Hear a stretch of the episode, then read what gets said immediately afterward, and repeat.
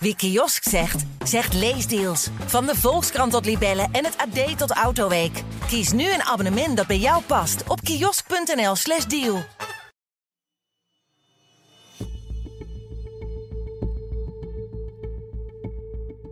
Ze zitten in de kruipruimte van je huis. Ze lopen over zolder. Of ze zitten in groepen bij een beekje of vijver in de buurt. En je ziet ze lang niet altijd overdag, maar ratten komen steeds vaker voor in Nederland. En ook vanuit Twente komen steeds meer meldingen binnen van overlast door deze beesten. Welkom bij de allereerste aflevering van de Twentse Kern. Een podcast van de Twentse Courant Tubantia, waarin we maatschappelijke problemen in de regio bespreken. Ik ben Frank Bussink en ik ben online verslaggever bij Tubantia. In deze aflevering gaan we dus hebben over ratten en de problemen die deze beesten veroorzaken. Dat er steeds meer meldingen komen van overlast door ratten is overigens niet gek. Uit onderzoek blijkt namelijk dat in de grote steden inmiddels meer ratten wonen dan mensen. Maar hoe komt het dat de rattenpopulatie zo is gegroeid? En welke gevaren brengt de rat met zich mee? En, misschien nog wel de belangrijkste vraag, hoe lossen we het rattenprobleem op? Op deze vragen hoop ik in deze aflevering een antwoord te krijgen.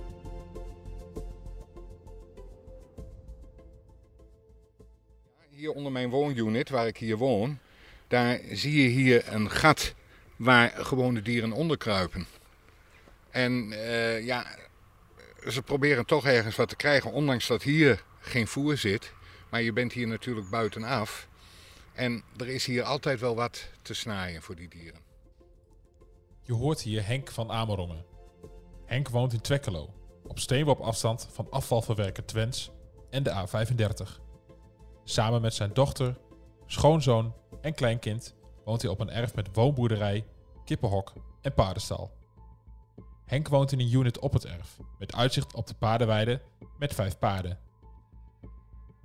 Henk heeft veel overlast door ratten. Hij kan de plekken waar de dieren hebben gezeten zo aanwijzen.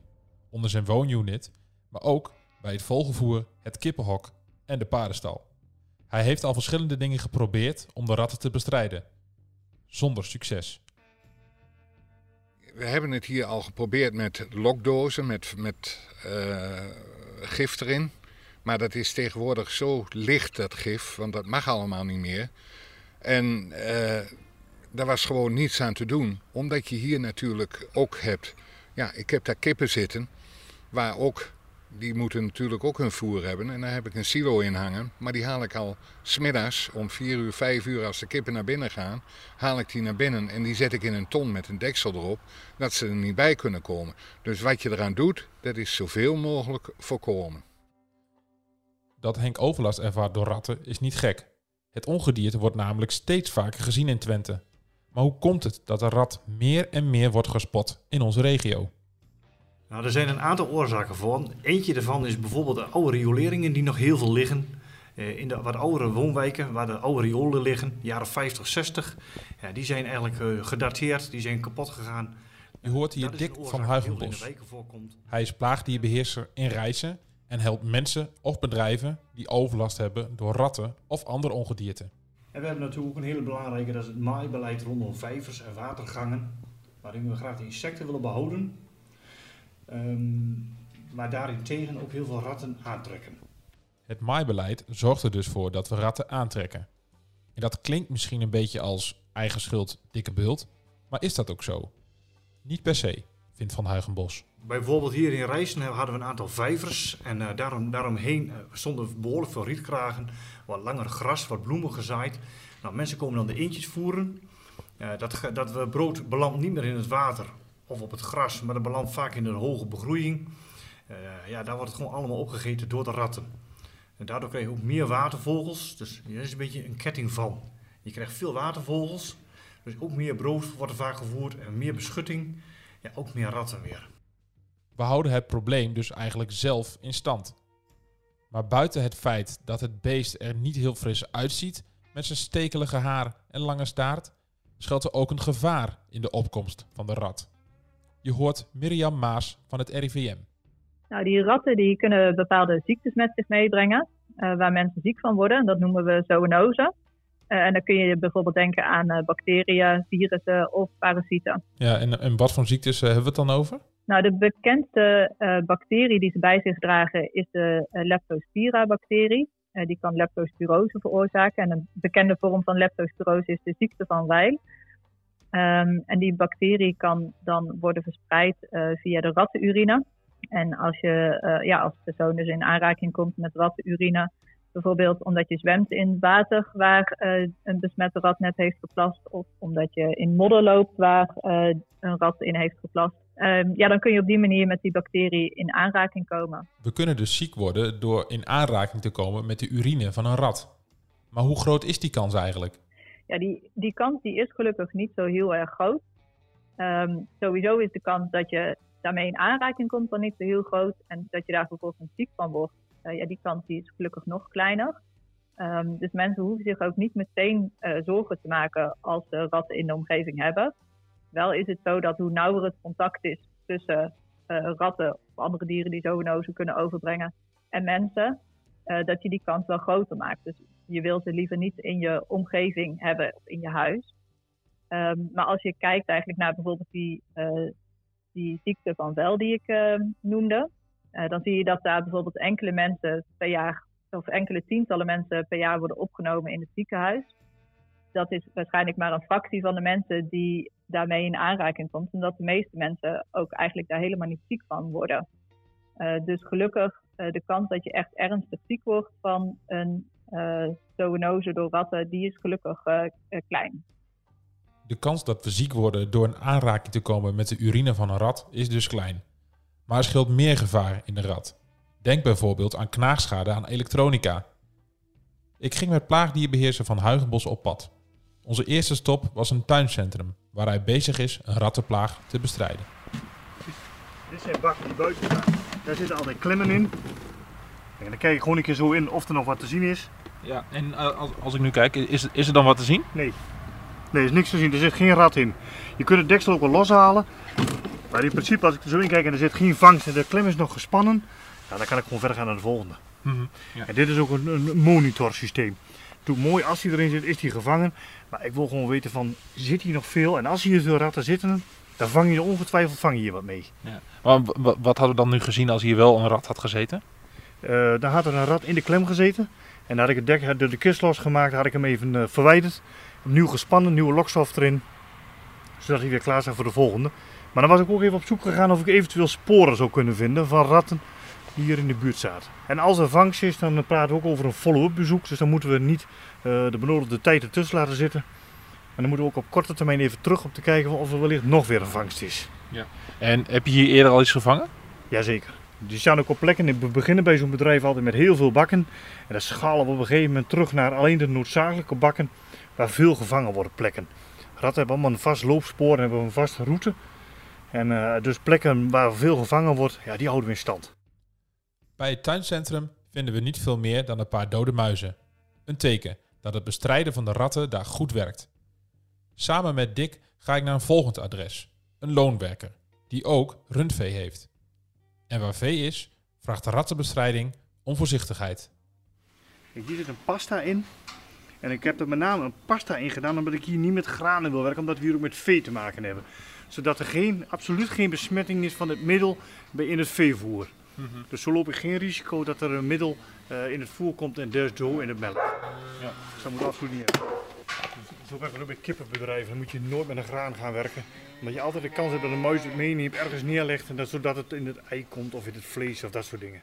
Op het erf bij de loonwerkers stuiten we op een ideale schuilplek voor ratten. Grote stapels stoeptegels op pallets, losse planken hout en plastic. En ook nog eens in de buurt van de mestput en het ruwvoer van de koeien. Nou, zulke hoekjes probeer ik de mensen wel te, altijd te zeggen, ruim dat nou gewoon op. He, dit is tegen een stal aan, tegen een veestal met een mestput, een voerkuil erbij en dit is schuilplaats. Ja. Dus dit is de volle prijs. En uh, dit moet inderdaad, uh, zou de handel zijn dat dit opgeruimd zou worden. Dan ben je in ieder geval de schuilplaats kwijt en dan blijven ze ook op de vlakte. En heb je ze in, en niet meer zo in de stal en de kans dat ze in je kuil gaan is een stuk minder. Mm -hmm. En doordat er weinig schuilplaats is, is ook de, het, de, de, populatie een stuk kleiner. Want dan is er gewoon geen ruimte voor uh, meer dan uh, 5, 6 ratten bijvoorbeeld. Hoewel het dus niet handig is om een schuilplek te maken voor ratten, maakt Dick wel gebruik van de situatie. Hij heeft een houten bak op de plek neergezet met daarin een rattenval. Dit is een kunststof box van ongeveer 80 centimeter hoog. ja, een halve meter diep en een 40 centimeter breed. Met aan de voorzijde een trapje waar touwtjes langs zitten. Nou, die rat die klimt omhoog langs die touwtjes. in de eerste instantie zet ik deze machine ook uit. Hè. Dan pak ik hem wel vol voer, bovenin lokvoer. Zodat die rat continu op en neer klimt en zijn geur of haar geur afgeeft aan het apparaat. En deze machine goed belopen is, dan klimt de rat omhoog. Uh, die loopt over een, over een luikje heen uh, naar een voerbakje. Zal de sensor uh, activeren en hij valt weg. Onderin een bak waar hij bedwelmd wordt en eigenlijk gewoon wegzinkt. Dat is een alcoholoplossing. daar wordt hij in bewaard en daar kunnen ze gewoon maanden in zitten. Net als bij het tuincentrum vinden we ook bij de loonwerker alleen een paar dode muizen. Ratten, die vinden we niet. Toch blijft Dick langskomen op deze bedrijven. op het moment dat we het onder controle hebben en je zou stoppen, dan krijg je binnen een enkele maand of een half jaar uh, loopt de populatie weer op. En uh, het duurt altijd eventjes voordat het, uh, voordat het in beeld komt. Maar als je blijft monitoren, hou je het ook onder controle. En dan heb je ook als er één of twee komen, dat het ook gelijk weer weg is. Ja, want stel dat je dat niet zou doen, dan zou je dus kunnen krijgen dat je dan over een half jaar weer van vooraf aan moet beginnen. Ja, klopt. Dan moet ik weer van vooraf aan beginnen. En dan moet ik weer de looproutes bepalen. Uh, de voerbak op de goede plek neerzetten. De ratten moeten er weer aan wennen. Uh, voordat we het dan weer onder controle hebben, ben je weer maanden verder. En is de schade soms aanzienlijk. Het monitoren van plekken waar ratten zitten is dus belangrijk. Dat ziet ook het RIVM. In de speciale rattenmonitor wordt bijgehouden waar in Nederland ratten zitten. En de gegevens die gaan tot op wijkniveau. Ja, de, de rattenmonitor uh, die we uh, bij het uh, eh, RIVM hebben lopen en die we in samenwerking met verschillende partners um, in de plaagdierbeheersing hebben gemaakt, die is mhm. eigenlijk bedoeld voor met name de plaagdierbeheerster zelf om meldingen door te geven en ook voor andere professionals die tijdens hun werk rattenoverlast tegenkomen. Ja. En plaagdierbeheersers kunnen dan dus, als zij um, rattenoverlast zien, kunnen ze dat doorgeven. En dan uh, wordt dat geanonimiseerd dan wordt dat op wijkniveau weergegeven op die rattenmonitor. Um, en zo kun je dan dus zien of er uh, over de loop van de tijd de overlast in uh, jouw omgeving of de omgeving waar die plaagdierbeheerster werkt, of die overlast toeneemt of afneemt. Mm -hmm. En die rattenmonitor is op het moment nog groeiende. Dus de um, gegevens die nu op de kaart staan, ja, uh, die kun je nog niet helemaal goed uh, gebruiken om te vergelijken. Omdat er gewoon nu nog meer meldingen moeten worden verzameld en meer deelnemers. Voordat je daar echt conclusies uit kan gaan trekken. We mogen dus geen conclusies trekken uit de rattenmonitor. Toch zien plaagdierbeheersers dat de rattenpopulatie op lokaal niveau flink groeit. Hoe komt dat? Hoe wij daarnaar kijken is dat ratten eigenlijk vier dingen nodig hebben. ze hebben voedsel nodig, ze hebben een nest en een schuilplaats nodig en ze hebben een partner nodig. En als die vier zaken aanwezig zijn, dan kan zo'n populatie groeien. En een van die zaken is dan eigenlijk altijd een beperkende factor uh, in die groei. Uh, en bij ratten kun je natuurlijk eigenlijk heel goed ingrijpen in het voedselaanbod. Um, hè, dus uh, ja, zorgen voor minder zwerfafval bijvoorbeeld, minder eten rondom je huis en in je tuin dus denk ook bijvoorbeeld aan dingen als uh, afdekken van een composthoop. Dus ja, als je vraagt naar uh, wat de reden is dat er op sommige plekken uh, lokaal overlast is, ja, dan, dan speelt dat bijvoorbeeld een rol. Um, en waar we ook wel onderzoek naar doen is of bijvoorbeeld um, veranderende bestrijdingsregels, of die nog invloed hebben. Dat, dat hoor je mhm. ook nog wel dat dat wordt genoemd. Um, uh, omdat er nu uh, beperkingen zijn in het gebruik van rattengif. Hè, dus dat mag niet meteen als eerste maatregel worden ingezet meer. Het gebruik van rattengif mag dus nog maar in beperkte mate. Het gif mag bovendien niet meer aan consumenten worden verkocht. Henk uit Twekkelo, die zou dat graag anders zien. Ja, ik mag het misschien niet zeggen, maar gewoon een keer weer rigoureus het goede middel uh, gebruiken. En in ieder geval zorgen dat het uh, minder wordt.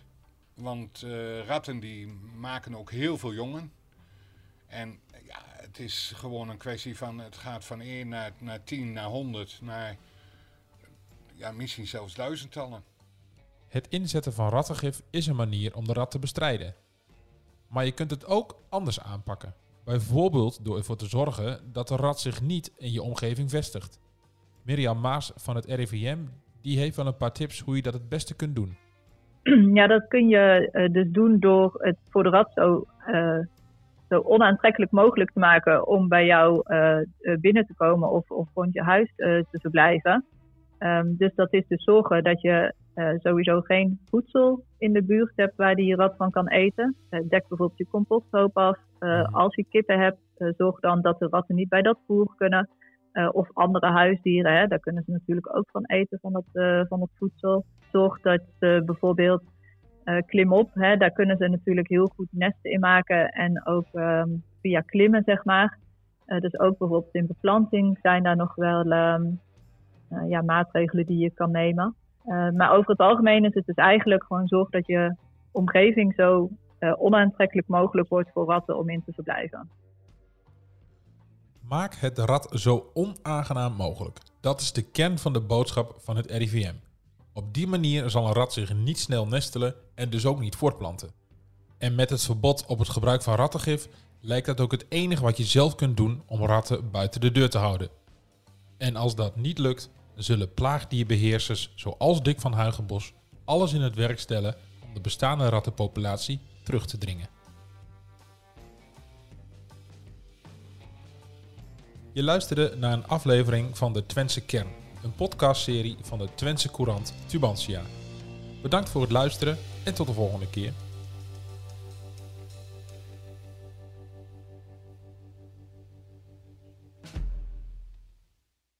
Wie kiosk zegt, zegt leesdeals. Van de Volkskrant tot Libellen en het AD tot Autoweek. Kies nu een abonnement dat bij jou past op kiosk.nl/slash deal.